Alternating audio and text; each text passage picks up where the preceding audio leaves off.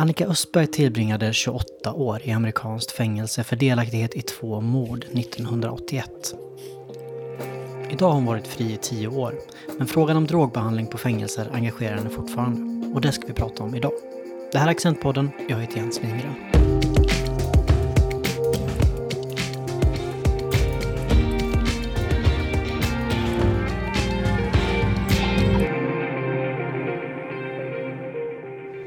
Vänta, jag måste släppa in hundarna bara. Jag kommer. Annika Östberg ville att vi skulle höras av efter hundarnas promenad. Men på grund av teknikstrul är vi lite försenade och hennes två golden retrievers begär uppmärksamhet. Idag är hon 67 år och trots att det kortklippta håret är blont så tänker jag flera gånger att hon påminner om karaktären Red från Orange is the new black. Fängelsemamman. De har fått ett tuggben. Se hur länge det varar. Det var länge långt ifrån självklart att Annika Östberg skulle hamna här. I ett eget hus i Sverige med två hundar. Min mamma flyttade med mig till USA när jag var väldigt ung, eh, 11. Eh, sen stack jag hemifrån 13 år eh, där i USA då till ja, hippie-mecka då i San Francisco. Blev involverad med droger ja, väldigt tidigt och heroinist 14 år gammal. Eh, ledde det livet och sen när jag var 26 år gammal blev jag involverad med en man och två mord. Eh, och efter det så hamnade jag på eh, kriminalanstalt och där satt jag då i 28 år tills jag flyttade hem till Sverige 2009. Det är liksom verkligen thumbnail-bilden av resan. Vad tänker du eh, var som drog dig till, eh, till drogerna från första början? Ja, det var ju på den tiden, det var ju 60-talet. Och eh, det var ju mycket experimentering då med att man skulle expandera sina sinnen och komma i kontakt med universum och så. Det var ju, det var ju hippiedagarna helt enkelt och det var ju mycket LSD och hash och sånt där. Eh, men eh, naturligtvis så kommer man in i den världen så, ja, då träffar man ju på allt möjligt. Så det var ju inte länge förrän eh, jag provade på heroin och det visade vara min, min grej. Men det var ju liksom i Haight Ashbury där jag landade. Man kunde gå ner för gatan och alltså det bara, det var moln av hashrök över hela stället och folk trippade på LSD liksom hela tiden. Så att eh, ja, det var en väldigt eh, mycket kul- drogkultur. Eh, hur kom du i kontakt med tolvstegsprogrammet eh, för första gången? Ja, alltså när jag hamnade på anstalt Eh, i, det, det var i 1981 så torskade jag. Och 1983 fick jag mitt straff. Men i 1985 så eh, gick min son bort i en trafikolycka och eh, samma dag när de berättade för hans pappa så dog han av en hjärtinfarkt. Så jag förlorade båda två. Då började jag, då tog jag återfall på anstalt och började knarka igen. Så jag knarkade rätt så tungt på anstalt tills 1989 och då, då kom de på att jag var positiv på opiater och jag landade i straffisolering. Eh, vilket är liksom häktet innanför murarna. Och eh, när jag kom därifrån, alltså det var där som jag vaknade på att vad är mitt liv? Det var först där som jag liksom inne i själen bad Gud om hjälp. Och eh, när jag kom därifrån 30 dagar senare träffade jag en kompis som jag hade knarkat med i många år. Men hon var nykter och drogfri och hon var med eh, anonyma narkomaner. Och hon började prata med mig om det här programmet och jag trodde inte för fem öre på det. Men hon hade lyckats och jag var desperat för en väg ut. Jag trodde inte att det fanns någon väg ut faktiskt. Så jag började lyssna lite och följde instruktioner och det funkade. Jag la ner och mitt liv förändrades radikalt. Alltså det verkligen räddade mitt liv. Men också det förändrade hur jag ser på, på världen, på mig själv, på mina medmänniskor. Eh, Alltså det, det har gjort att jag har kunnat ta ansvar för vad som är, ligger på min tallrik och vad inte ligger på min tallrik. Eh, komma förbi, eh, det här, att skylla min mamma för allting. Alltså det har, det har gjort en sån otrolig förändring i mitt liv. Och jag lever än idag eh, via de principerna till min bästa förmåga. Kan du beskriva ungefär vad liksom tolvstegsprogrammet går ut på och eh, ja, vilka de här principerna är och, och vad skiljer det från annan behandling? Jag började egentligen försöka komma loss rätt så tidigt i mitt missbruk. Eh, liksom på slutet av 60-talet till och med början på 70-talet och då fanns det alla möjliga galna program som, som jag försökte. Eh, men jag kom alltid tillbaka. Men skillnaden med 12-steg är för att det tar in alla delar. Så många program, de hanterar bara droganvändningen, missbruket, men de kommer inte till botten. Alltså ingen lever det livet och fastnar i det helvetet för att det är så roligt.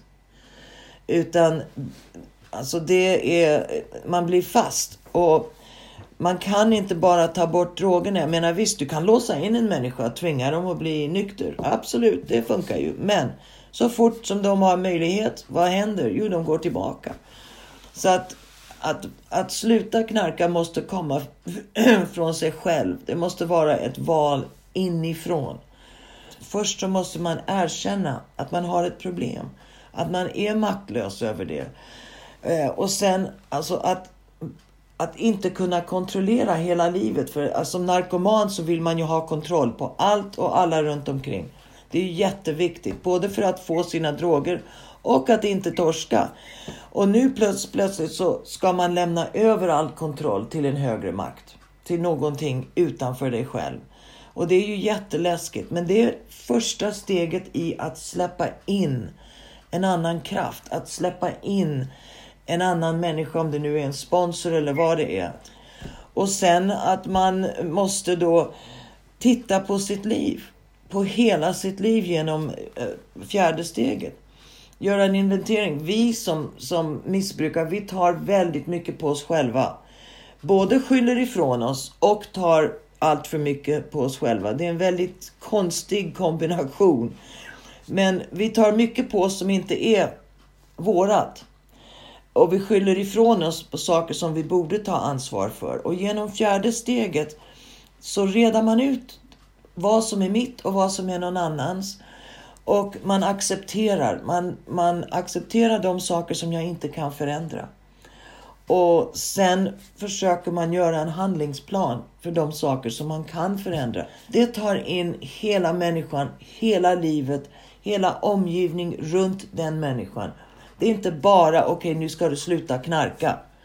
Utan det är att förändra hela tankesättet, hela levnadssättet, det innebär så mycket mer än så många andra program.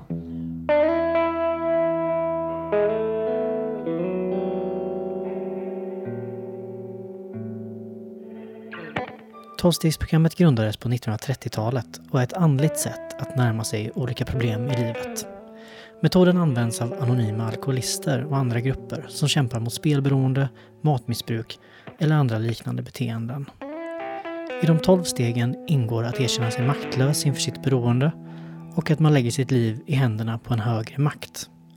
Programmet är dock inte bundet till någon specifik religion utan begreppet högre makt kan tolkas på många olika sätt. Annika Östberg tror att den introspektion som tolvstegsprogrammet innebär inte bara hjälper mot drogberoendet utan även kan vara en viktig del i rehabiliteringen av kriminella. Ja, jag brukar säga om hela världen levde under tolvstegsprinciperna så skulle vi ha en väldigt annorlunda värld.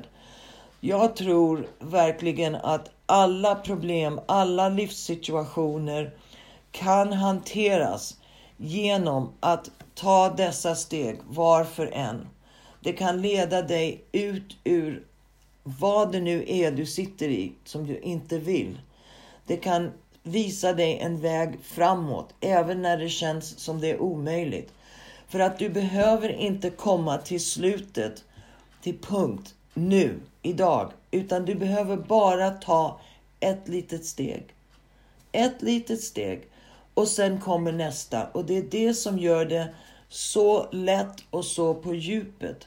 Det är ett steg i taget. Det är inte så att okej, okay, nu ska du komma in här och vi ska tända av dig och sen ska du vara drogfri och sen ska du gå ut och hitta jobb och sen ska du fixa dina barn och sen ska... Alltså, nej.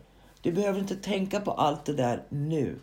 Utan just nu behöver du bara säga ja, den här situationen är jag maktlös över. Jag behöver hjälp.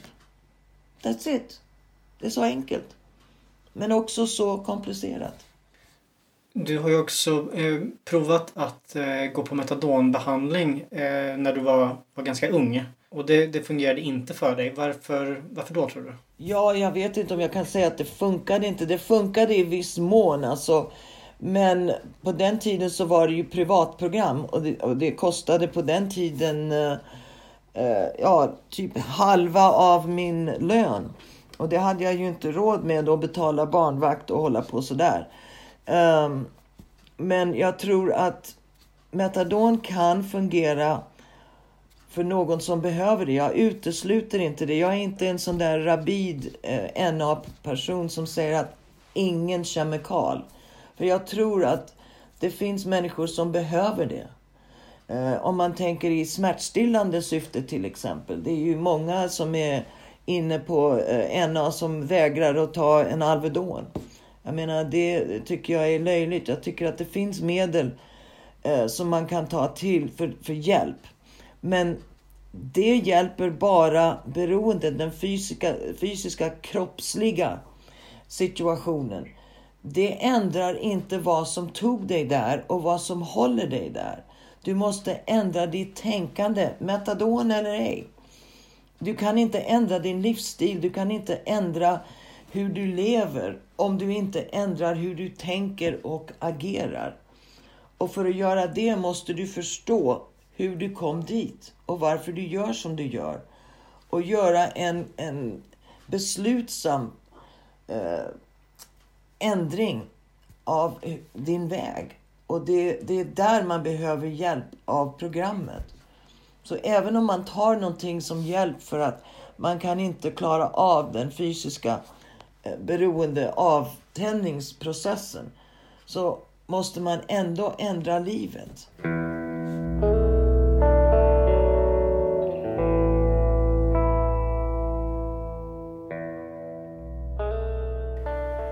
Du tillbringade, som du sa, 28 år i, amerikanskt fängelse innan du till slut blev överförd Eh, till Sverige för att avtjäna dina sista, var det två år eh, i svenskt fängelse.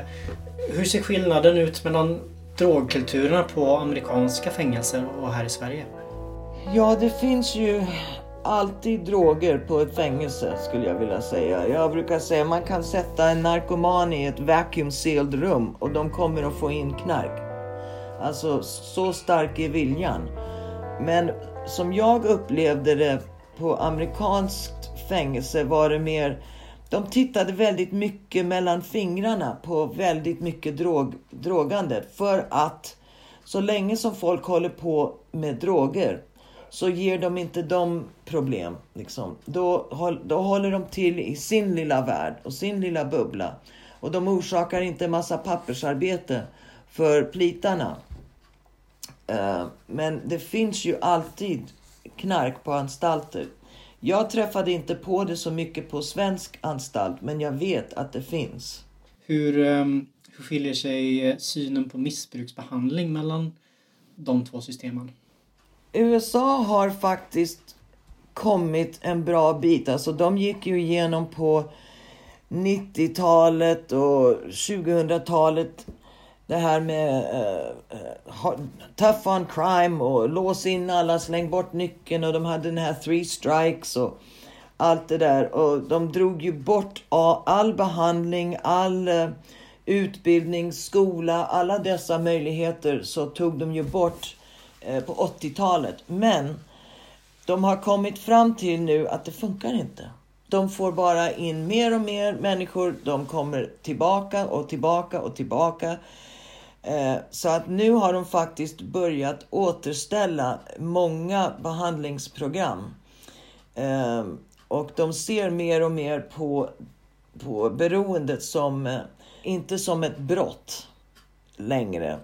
Sen är det ju en bra bit att gå, men alltså hela känslan har förändrats väldigt mycket. Däremot, Sverige ligger ju alltid många år bakom USA. Men de följer ju USA, tyvärr. Till exempel när jag kom till Hinseberg eh, och tjejerna började berätta för mig om regler som hade ändrats och saker som hade ändrats eh, den sista tiden. För mig var det som déjà vu. Oj, det här har jag ju redan levt igenom i USA. Eh, så att jag såg vilket, vilket håll Sverige var på väg mot. Och nu är det ju ännu värre. De har ju, håller ju på med det här Kumlabunken och de har börjat sätta in isoleringsstraff och det är längre, längre straff och de har ju börjat med mer och mer det här tough on crime mentalitet. Eh, men det finns ju hopp. Men alltså just det här att de vill dra ner på 12-stegsprogram eller utesluta dem helt och hållet. Det är ju ett tecken på hur mycket har förändrats.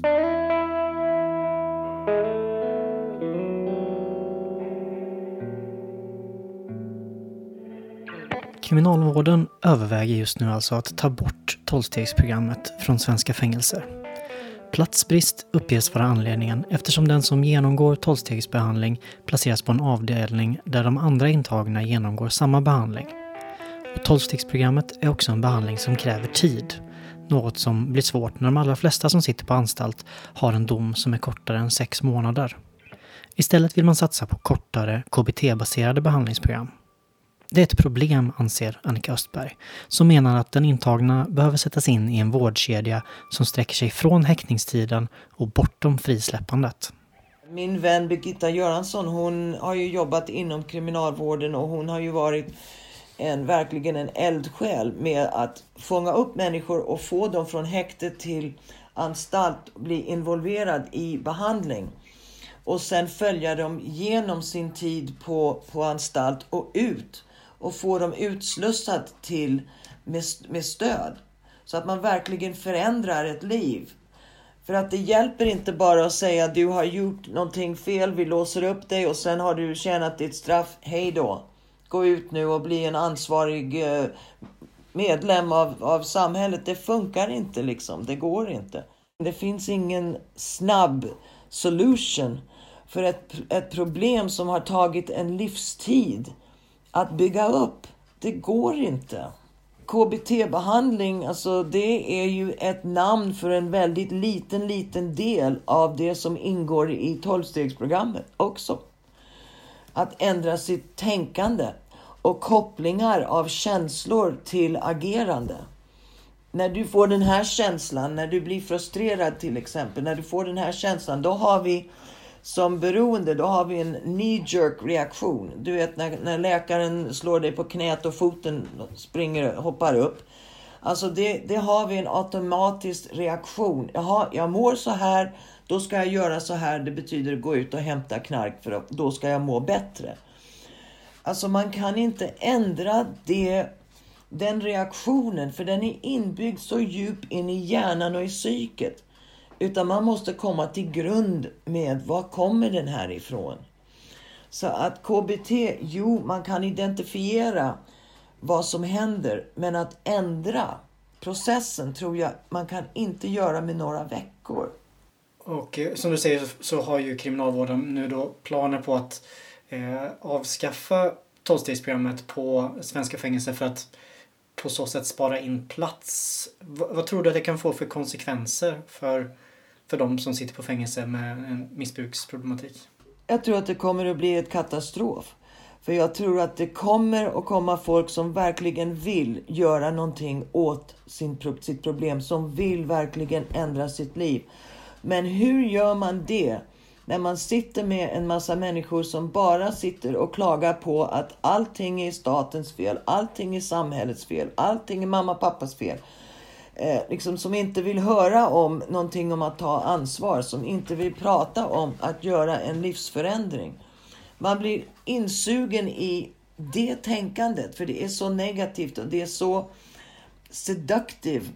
För att då behöver man inte ta ansvar för någonting. Då är det bara stackars jag och eh, ni är skyldig mig allt. Alltså det tänkandet, då behöver man ju inte tänka på att ge tillbaka något, ta ansvar, ingenting. Så att tar man bort de här platserna, då finns det ingenstans för en människa som vill på egen tänkande göra en förändring. Eh, det finns ingenstans att ta vägen. Och sen kommer det också att betyda att de som är inne nu, de kommer ju bara att komma tillbaka. Det kommer att vara väldigt, väldigt få som på egen maskin klarar av att göra den här förändringen som, som krävs för att ta sig ur det livet. Som sagt, det handlar inte bara om knarkandet och det, det tänk och, och beteende som handlar om själva droglivet och drogandet. Det handlar om allting som är runt omkring. Och det är det som en sån här korttidsbehandling inte tar tag i.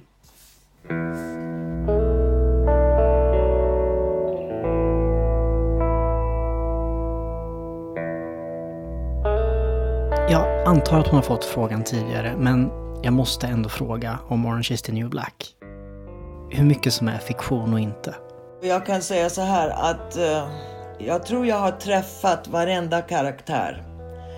Karaktärerna är väldigt äkta för det mesta, men situationerna är helt orimliga, omöjliga, skulle aldrig hända.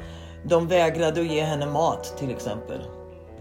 Alltså det skulle aldrig hända. Matsalen är så väl kontrollerad för, för mat är en sån känslig ämne och matsalen, där händer det oftast eh, om det ska, någonting ska, ska hända så ofta brukar det börja i matsalen. Så det är verkligen kontrollerad.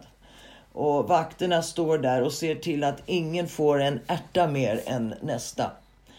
Så att eh, nej, det skulle aldrig hända. Och liksom de här mer eller mindre öppna eh, sexuella eh, relationer som de har, nej, det skulle inte hända heller. Nu har du varit fri i snart tio år. Hur, eh, hur ser ditt liv ut idag? Ja, mitt liv är underbart. Det är ju mer än jag någonsin eh, kunde tänka mig. Jag kommer ihåg när jag satt i möten, för vi hade ju möten på, på kåken där. Eh, och vi hade ju paneler som kom från utsidan och berättade sina life. Och då brukar de prata om, ja, jag bodde på gatan till och med och jag hade förlorat mina barn och min familj vill inte ha någonting med mig att göra. Och, och nu äger jag eget hem och jag har fått mina barn tillbaka och jag har ett bra jobb och jag köpte min egen bil och jag har eget kreditkort och jag satt där i sista raden och tänkte, nej, det ljuger du väl. Så att jag trodde inte på någonting av det där i början. Men vet du, alla de där löften, och det är också någonting vi pratar om i tolvstegsprogrammet, att det finns vissa löften. Följer du programmet så kommer de här löften att komma sann. Det trodde jag inte var möjligt. Men för mig har allt kommit sant. Jag har mitt eget hem. Eh, jag har ja, min familj, det är ju mina hundar och min bästa vän som bor med mig. Men alltså, det som mitt liv är idag är mer än jag kunde ha någonsin drömt mig till. Sen har ju covid-19 eh, ställt till det verkligen för mig ekonomiskt. Men förutom det så är ju livet underbart.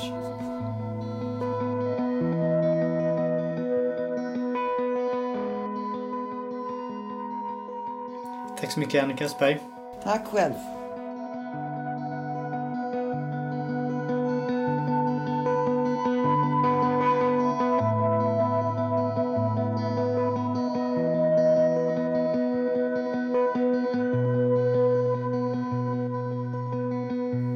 Du har lyssnat på Accentpodden med Annika Östberg och mig, Jens Wingren.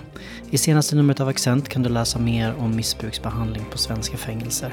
Våra senaste nyheter finns som alltid på accentmagasin.se. Tack för att du lyssnat.